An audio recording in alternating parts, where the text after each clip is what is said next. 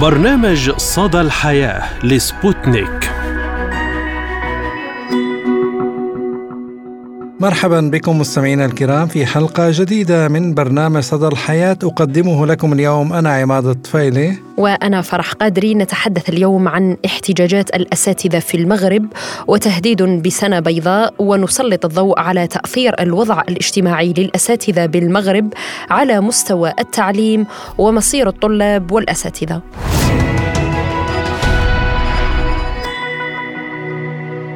لعل من أهم القطاعات التي ترتكز وتبنى عليها الدول هو قطاع التعليم بل وأصبح أحد مؤشرات قياس تقدم الأمم والشعوب ودون تعليم لا يمكن للشعوب أن تنهض وتتطور فإذا ما ضرب هذا القطاع ضرب عصب المجتمعات. خاض أساتذة التعليم العمومي بالمغرب احتجاجات غاضبة في الشوارع منذ أكثر من شهر وتوقفت معها الدراسة بشكل تام وذلك رفضا لقانون النظام الأساسي الذي وضعته وزارة التربية المغربية. فقد خرج عشرات الآلاف من الأساتذة والأطر التربوية والإدارية بالعاصمة الرباط في مسيرة أطلقوا عليها اسم مسيرة الكرامة للمطالبة بالتراجع عن القانون الأساسي لقطاع التعليم الذي يعتبرونه لا يستجيب لانتظارات الشغيلة التعليمية. ويتضمن ذلك 98 مادة تحدد هيئات ومهام ومسؤوليات وتعويضات الموظفين في القطاع فضلا عن العقوبات التأديبية ما اعتبرته نقابات التعليم غير منصف ويهدد مكتسباتهم ولا يحقق مطالبهم المهنية والمادية. في حين أكد الأساتذة أنهم لن يتراجعوا عن تحركاتهم التصعيدية رغم أن وزارة التربية هددت بخصم رواتبهم ودعتهم إلى الحوار للوصول إلى حلول.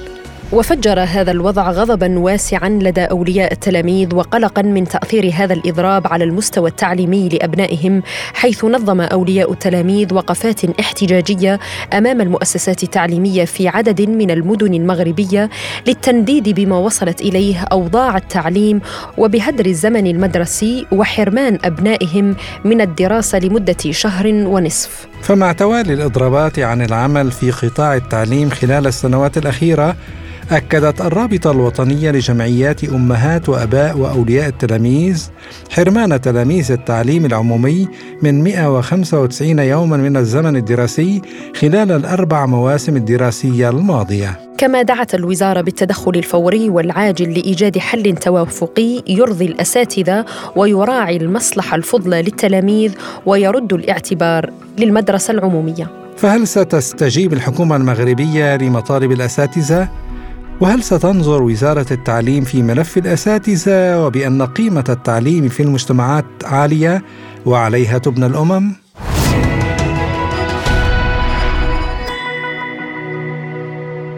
وللحديث أكثر عن هذه الاحتجاجات وعواقبها على السنة الدراسية سواء على التلاميذ أو على الأساتذة نستضيف معنا من المغرب الدكتور عبد الوهاب السحيمي وعضو التنسيق الوطني للتعليم بالمغرب وأستاذ التعليم الابتدائي أهلا وسهلا بك دكتور وشكرا على تلبية الدعوة أهلا أستاذة فرح وشكرا لكم على الاستضافة. اولا أحب أن أهنئكم قبل أن نبدأ الحلقة بمناسبة استقلال المغرب. أه. شكرا شكرا لكم. نعم. يعني منذ نحو شهر هناك احتجاجات من الأساتذة. عشرات الآلاف مطالبهم واحدة. اليوم برأيك لماذا لا يتم النظر في هذه المطالب وتحقيقها على أرض الواقف الواقع؟ ولماذا خرجتم في هذه الاحتجاجات؟ يعني ما هي المواد التي لم تعجبكم أو لم توافقوا عليها؟ لا طبعا آه، حتى يعرف الجميع الاحتجاجات في المغرب ليست وليدة اللحظة. منذ مدة طويلة ونحن كنساء ورجال التعليم نخوض معارك نضالية. آه، طبعا من أجل تحسين الأوضاع الاجتماعية والمادية لعموم نساء ورجال التعليم ومن أجل حفظ الكرامة آه، لنساء ورجال التعليم. آه كما ذكرت هذه هي احتجاجات قديمة والنظام الأساسي ما هو إلا النقطة التي أفاضت الكأس حيث كنا ننتظر من الحكومة أن تعجل بإصدار نظام أساسي يكون فعلا نظام محفزا وعادلا ومنصفا نظاما اساسيا يصحح الاختلالات الموجودة داخل قطاع التربية الوطنية ويقوم بإنصاف الفئات المتضررة وكما ذكرت يحسن الأوضاع الاجتماعية وطبعا يخصص زيادة مهمة في الأجور لأننا في المغرب لم تعرف أجور للنساء ورجال التعليم أي زيادة على الأقل منذ 2011 في إطار الحراك العربي آنذاك. آه، اليوم للأسف في الوقت الذي كنا ننتظر بإصدار نظام أساسي عادل ومنصف وموحد في فعلا تفاجأنا بنظام أساسي للأسف أجهز أنا أعتبره نظاما أساسيا أجهز على ما تبقى من مكتسبات لعموم النساء ورجال التعليم. نظاما أساسيا أثقل كاهل عموم نساء ورجال التعليم ولا سيما الهيئة ديال ديال التدريس ديال الأساتذة والأستاذات بمهام إضافية جديدة دون أن يقابل ذلك أي تعويضات. نظاما أساسيا لم يخصص أي زيادة في الأجور التي ظلت مجمدة كما ذكر منذ 2011 مع العلم أن كل الأنظمة الأساسية الخاصة التي عرفتها القطاعات الحكومية الأخرى طبعا كانت آه، مرفوقة بزيادات في الأجور نظاما اساسيا للأسف آه، اتجه في أو قد نعتبر أنها نهج لغة العقاب والزجر حيث خصص صفحة ونصف كعقوبات توضع على إشارة الإدارة آه، لمعاقبة أي أستاذ طبعا آه، يعني لا نقول أنه يعاقب لأنه آه، يعني طبعا ليس كل آه، كل موظفين طبعا القانون. ولكن نحن عندما نتحدث عن تلك المهام الإضافية التي لا يخصص لها تعويض وهذه المهام التي تأتي كذلك زيادة على طبعا الساعات الكافيه أجل الشغل والاساتذه في المغرب. لأن نعرفوا أننا الاساتذه في المغرب نشتغل أكبر عدد الساعات مقارنة ربما مع جميع دول العالم. آه طبعا لذلك قلنا أنه هناك هذا النظام الأساسي جاء لاتقال كاهل الأساتذة وجاء بهذه العقوبات كما أنه هذا النظام الأساسي لم يراجع الساعات ديال العمل التي كما ذكرت هي الأكبر. طبعا غير على مستوى دول الحوض المتوسط نحن نشتغل أكبر عدد كم عدد الساعات, كما انه نظاما اساسيا لم يس الأستاذ الابتدائي يشتغل 30 ساعة نعم. والأستاذ الإعدادي 24 ساعة والأستاذ ديال الثانوي 21 آه، ساعة وهذا أكبر عدد الساعات ونعلم بأن الأستاذ لا يشتغل فقط في في الفصل الأستاذ يشتغل كذلك في البيت عندما يأخذ معه طبعا صحيح. الواجبات ديال ديال المتعلمين وكذلك في التحضير للدروس وما إلى ذلك اذا قلت هي أكبر عدد الساعات نشتغل نحن كما أنه هذا النظام الاساسي لم يراجع هذه عدد الساعات رغم أنه الحكومة نفسها تقر بأنه يجب مراجعة عدد الساعات. كما أنه نظاما اساسيا للأسف لم يسوي الملفات السابقة التي وقع فيها اتفاق مع الحكومة. أذكر هنا اتفاق 18 يناير 2022 هذا الاتفاق الذي وقع تحت إشراف رئيس الحكومة الحالي السيد عزيز اخنوش واتفاق آخر ديال 14 الذي كذلك وقع تحت مسؤولية وإشراف رئيس الحكومة وبحضور ثلاثة الوزراء غير طبعا وزير التربية الوطنية. وبمعية النقابات. إذا نحن اليوم نحتاج من أجل آه، تحسين الأوضاع الاجتماعية والمادية النساء من أجل توفير الكرامة من أجل رد الاعتبار لمهنة أستاذ في المغرب وكذلك من أجل تسوية الملفات العالقة التي مش نقول ملفات عالقة عندها سنوات طويلة. كاين هناك متضررين منذ 2002 وقبل ذلك ينتظرون الإنصاف. آه، طبعا كما أنه هي احتجاجات من أجل آه، طبعا الالتزام بالاتفاقات السابقة الموقعه مع الحكومة مرحبا. دكتور عبد الوهاب اسمح لي اسأل حضرتك يعني طبعا ما تتحدث عنه حقوق آه، يعني ضرورية للمعلمين. لكن ما الذي يمنع يعني في ظل هذا الواقع اللي حضرتك عم تتحدث عنه ما الذي يمنع إعطاء المعلم حقه الكامل الذي يستحق يستحقه توفير راتب وتحفيزات تساعد على الحياة الكريمة له في بلده. لا للأسف الشديد حتى أكون واضحا معك. الدول العالم الثالث لا تهتم بالتعليم. وأنا دائما اصر وأقول أن الحكومة للأسف غير جادة في النهوض بالتعليم بشكل عام. لذلك نجد أنفسنا طبعا المغرب وربما حتى دول قريبة منا أن نتدايل الترتيب في مؤشر الجودة على مستوى التعليم. لأنه لا يوجد هناك اهتمام بالمنظومة ولا يوجد هناك اهتمام بنسبه التعليم وبالمتعلمين لأن الإصلاح يبدأ بالاهتمام بالعنصر البشري داخل المنظومة اللي هما نساء ورجال التعليم والمتعلمين والمتعلمات. للأسف إحنا في المغرب عندنا ما يسمى بالقطاع الخاص والمستثمرين الأساسيين في القطاع الخاص هم أمة لذلك هم طبعا للأسف آه بهذا عدم الاهتمام بعدم تسوية الأوضاع الاجتماعية والمادية للنساء التعليم يضربون في العمق المدرسة المغربية العمومية التي يلتجئ إليها أبناء الفقراء وأبناء أولاد الشعب.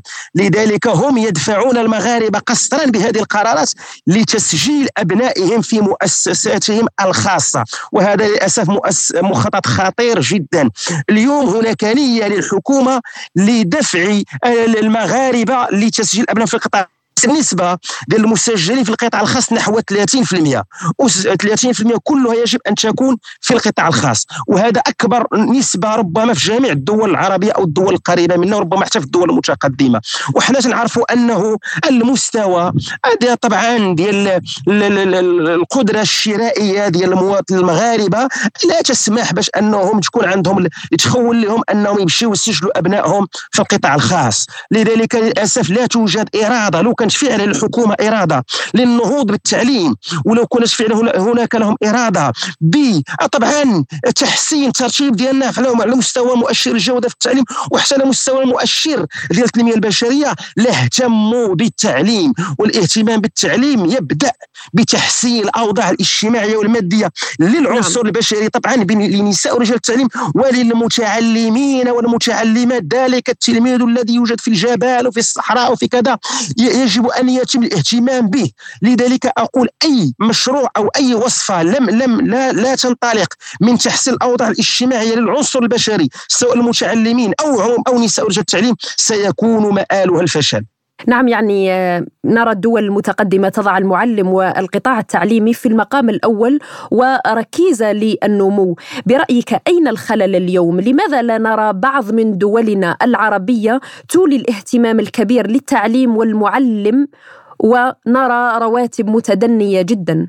للأسف آه، بخصوص الرواتب آه، إحنا في المغرب الأجر الأدنى في سلم الوظيفه العمومية يعود للمعلم الراتب الأدنى.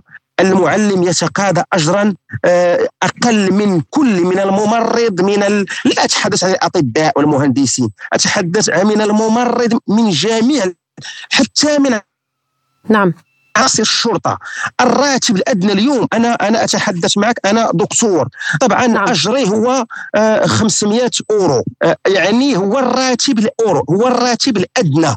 لذلك تنقول أنا مثلا نتكلم على نفسي وهناك العدد كبير جدا من الزملاء من النساء ورجال عندهم نفس الوضعية ديالي إما حاصل شهادة دكتوراه أو حاصل نعم. للأسف كما ذكرت لا توجد إرادة.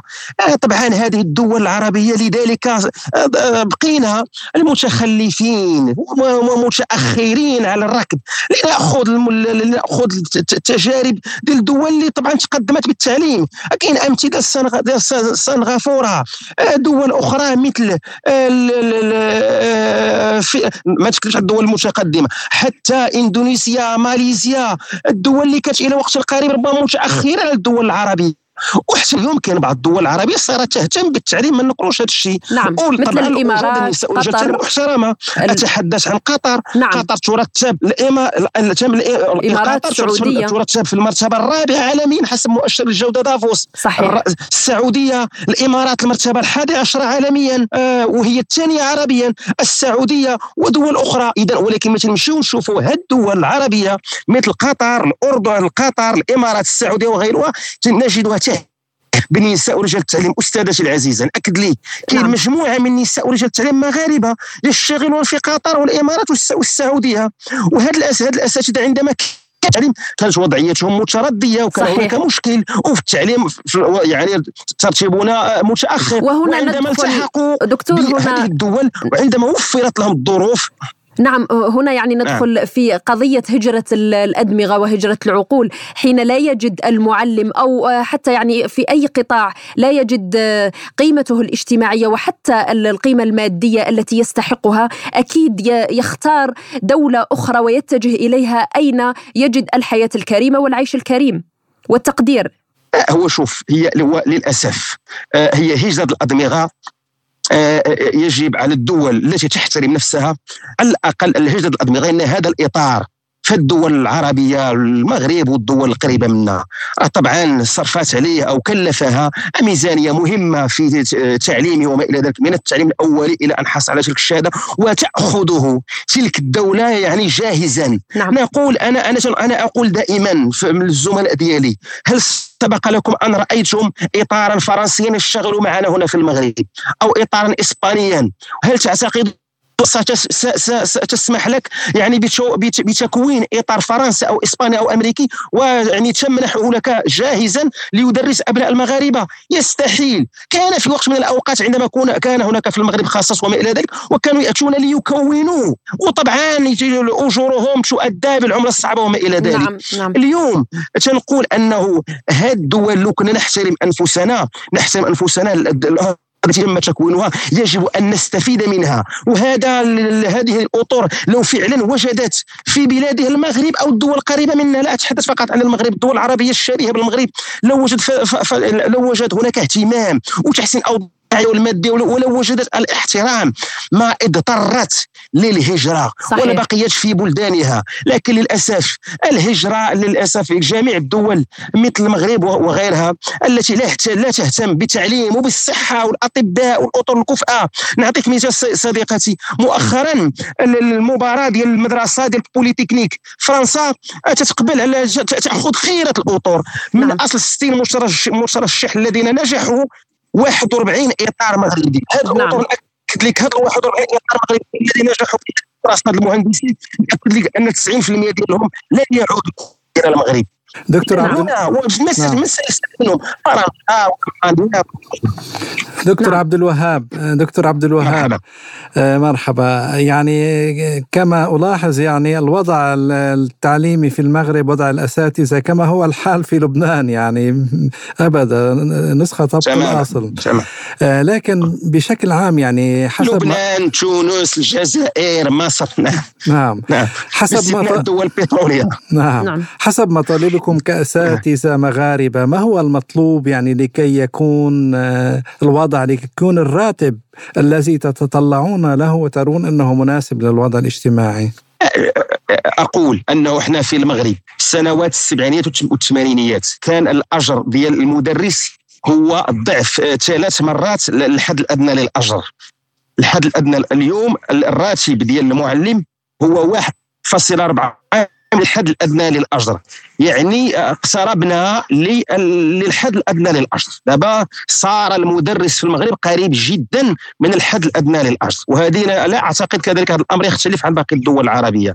أقول أن المدخل الرئيسي آه، صديقي دابا الحكومة تصرف الأموال والملايير في وصفات إصلاح تأتي بها جاهزة من دول أخرى. ونقول دائما أن هذه الوصفات الاصلاح سيكون مآل الفشل. لماذا؟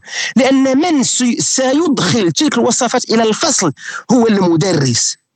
وهذا المدرس يحس بالظلم بالقهر كيف حقوقه مهضومة متدمر نفسيا وهو يعاني المشاكل يعاني ولديه التزامات مادية. نعم. لذلك أقول بأنه الاهتمام مساكن. شوف أنا أقول الكرامة. تبدا بتحسين الأجور. أفهم. ممكن اولا نحسن الأجور. أنا ذاك ممكن نفكر في أمور أخرى قانونية وإجراءات وكذا. ولكن لا يمكن أن نتحدث عن الكرامة والمدرس. أجره هو الأدنى. نعم. نعم. يعني من البنود التي استغربنا حين قرأناها هي عدم قبول أو سماح للأستاذ الذي تجاوز سن الثلاثين الوجول الولوج للتعليم. كيف يتم وضع مثل هذا القانون برأيك؟ ألم يتم وضع في الاعتبار أن الشخص هذه للأسف. يعني هذا الشخص الذي بعمر أو الأكفأ آه. آه هل تسمعنا؟ هذه مسألة غريبة. وندد أنا أشوف أنا أقول لك المشكلة. هنا هنا توصيات المؤسسات المالية المانحة يتم تطبيقها وتنزيلها بشكل أعمى هنا كاين مشكل ديال التقاعد. في حاله ما الحكومة تقول انه رفعنا السن ديال التوظيف ل 45 سنة ذلك المدرس ربما سيشتغل 20 سنة وأنا ذاك ستضطر لدفع طبعا التقاعد. هناك مشكل أزمة ديال التقاعد في المغرب. وأزمة التقاعد لا تتعلق بازمه التقاعد تتعلق في المغرب باختلاس الودائع والصناديق ديال الموظفين. وأزمة التقاعد في المغرب تتعلق بعدم التوظيف. هذا هو. وللأسف عوض أن يتم إصلاح هذه الصناديق بالتوظيف وبإرجاع المبالغ التي تم نهبها يتم إصلاحها وإعادة تغذية هذه الصناديق من أجور وباتخاذ قرارات هدامة للمدرسة وللأسف يؤدي ثمنه كذلك الشباب والشابات. عندما تم وضع هذا الشرط ديال تسقيف سن الولوج للتعليم في 30 سنة قلنا لهم أعطونا تجربه من التجربة للدول المتقدمة تعليميا تم بناء عليها تم اتخاذ هذا القرار. هل نعم. في سنغافورة؟ هل في ماليزيا؟ هل في قطر؟ هل في الإمارات؟ هل في السعودية؟ هناك في في في قطر والإمارات. هناك مغاربة زملائي ياخذون الاكفاء والاجود والأفيد بدون يعني تحديد السن. ديال والغريب كذلك الغريب كذلك هم يأخذون هم يقولون التشبيب تشبيب يعني تشبيب المهنة. رغم أن التعليم ليس مهنة تدعيم على لماذا لا, لا يقومون على تشبيب الحكومة؟ مثلا تشبيب الحكومة وليس التعليم فالتعليم تماما تماما. تماما. الإصلاح الإصلاح يبدأ من من الأعلى. أو يعني التنظيف ديال الدرج يبدأ من من من الأعلى وليس من الأسفل. هذا بالضبط 30 سنة لماذا لا تكون مثلا 25 سنة؟ ولماذا لا تكون 35 سنة؟ هذا هو هذا هو نعم. هل هناك دراسة أعدت في هذا الاتجاه وأعطت بانه الأحسن؟ مثلا نعطيك مثال. أستاذ عنده شهادة دكتوراه في العلوم التربية. هذا نعم. قيمة مضافة للقطاع. لماذا يحرم فقط؟ لأنه عمره 30 سنة زائد شهر. هذا أمر غريب جدا. أكد... لا هم يعني هذا القانون أنا أثار است يعني استنكار. بالعكس مثل ما أشرت لما الإنسان يكون عن إيه. لما الإنسان يكون فوق الثلاثين يكون مكتسب لدرجة الدكتوراه مثلا. تمام. نعم يعني وصل حالة من النضج وصل حالة من النضج والخبرة. ومن الرشد. م. واكتسب خبرة واكتسب كذا. هذا الأستاذ بالعكس الحكومة المفروض لو كان فعلا هناك نية للإصلاح لتشبتت به. لكن للأسف هناك للأسف يتجهون أو يأخذون بعين الاعتبار الاملاءات للمؤسسات المالية المانحة والتوازنات الماكرو اقتصادية على حساب قطاع التعليم، نحن نقول لهم يمكن أن تسمحوا لي هذه المؤسسات التي تضغط عليكم في كل القطاعات إلا التعليم، لأن مستقبل البلدان يبدأ بالتعليم، صديقتي اليوم نحن في المغرب نقول متأخرين على مستوى التعليم لاننا طبقنا إملاءات صندوق النقد الدولي التي طبقت على المغرب سنة 1983 في إطار ما يسمى ب سياسه الهيكلة التكوين الهيكلي اليوم نعيد نفس الأخطاء وأقول لهم بأن من دابا 50 أو 40 سنة سنجد أنفسنا يعني متأخرين تعليميا. لماذا؟ لأننا الآن نرضخ لإملاءات صندوق النقد الدولي والمؤسسات المالية المانحة. للأسف هذا أمر غير مفهوم. وكما ذكرت أعضاء الحكومة كلهم سنهم متقدم. نعم. وحتى أعضاء في الوزارة التربية الوطنية المسؤولين. هناك من قضى في موقع أكثر من 20 سنة ربما 30 سنة ويشترطون على نعم. لا يتجاوز عمرهم 30 سنة. هذا أمر صح. مؤسف وغير مفهوم وطبعا هذا هذا من يضع هذا الشرط للأسف لا يهمه إصلاحهما ولا يهمه مستقبل هذه البلاد.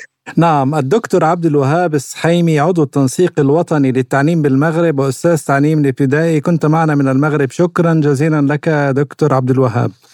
شك... شكرا لك. شكرا لكم شكرا, شكرا لكم لك.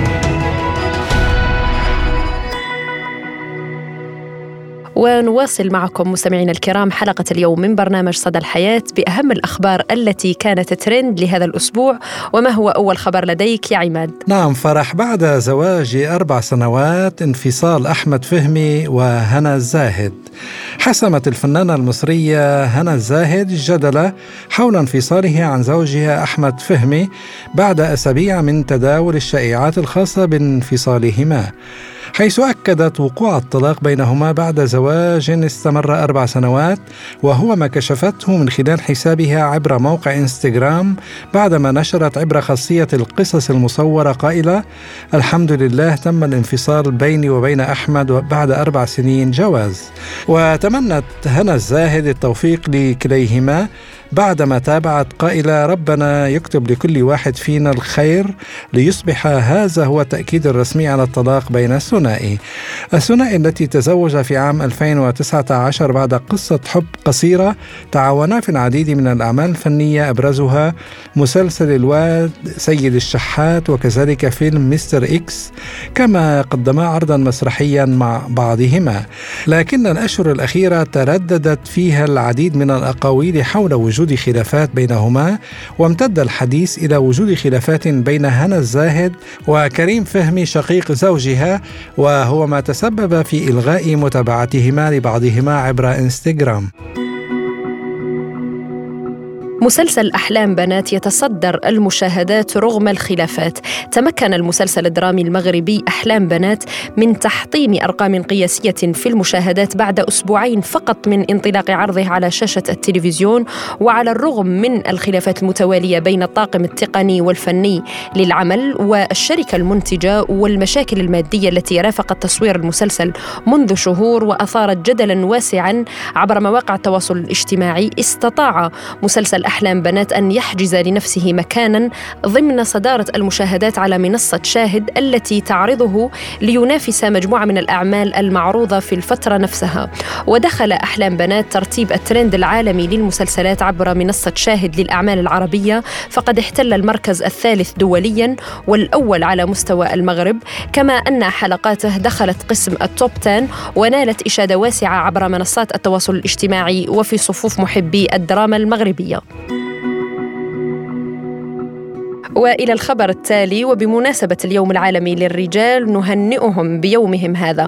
كل عام وأنت بخير زميلي عماد وبصحة وخير إن شاء الله. شكرا زميلة فرح وعقبال ما نهنيكم بعيد المرأة العالمي ب 8 آذار ونتمنى لك الصحة والعافية لك ولكل النساء في العالم. إن شاء الله.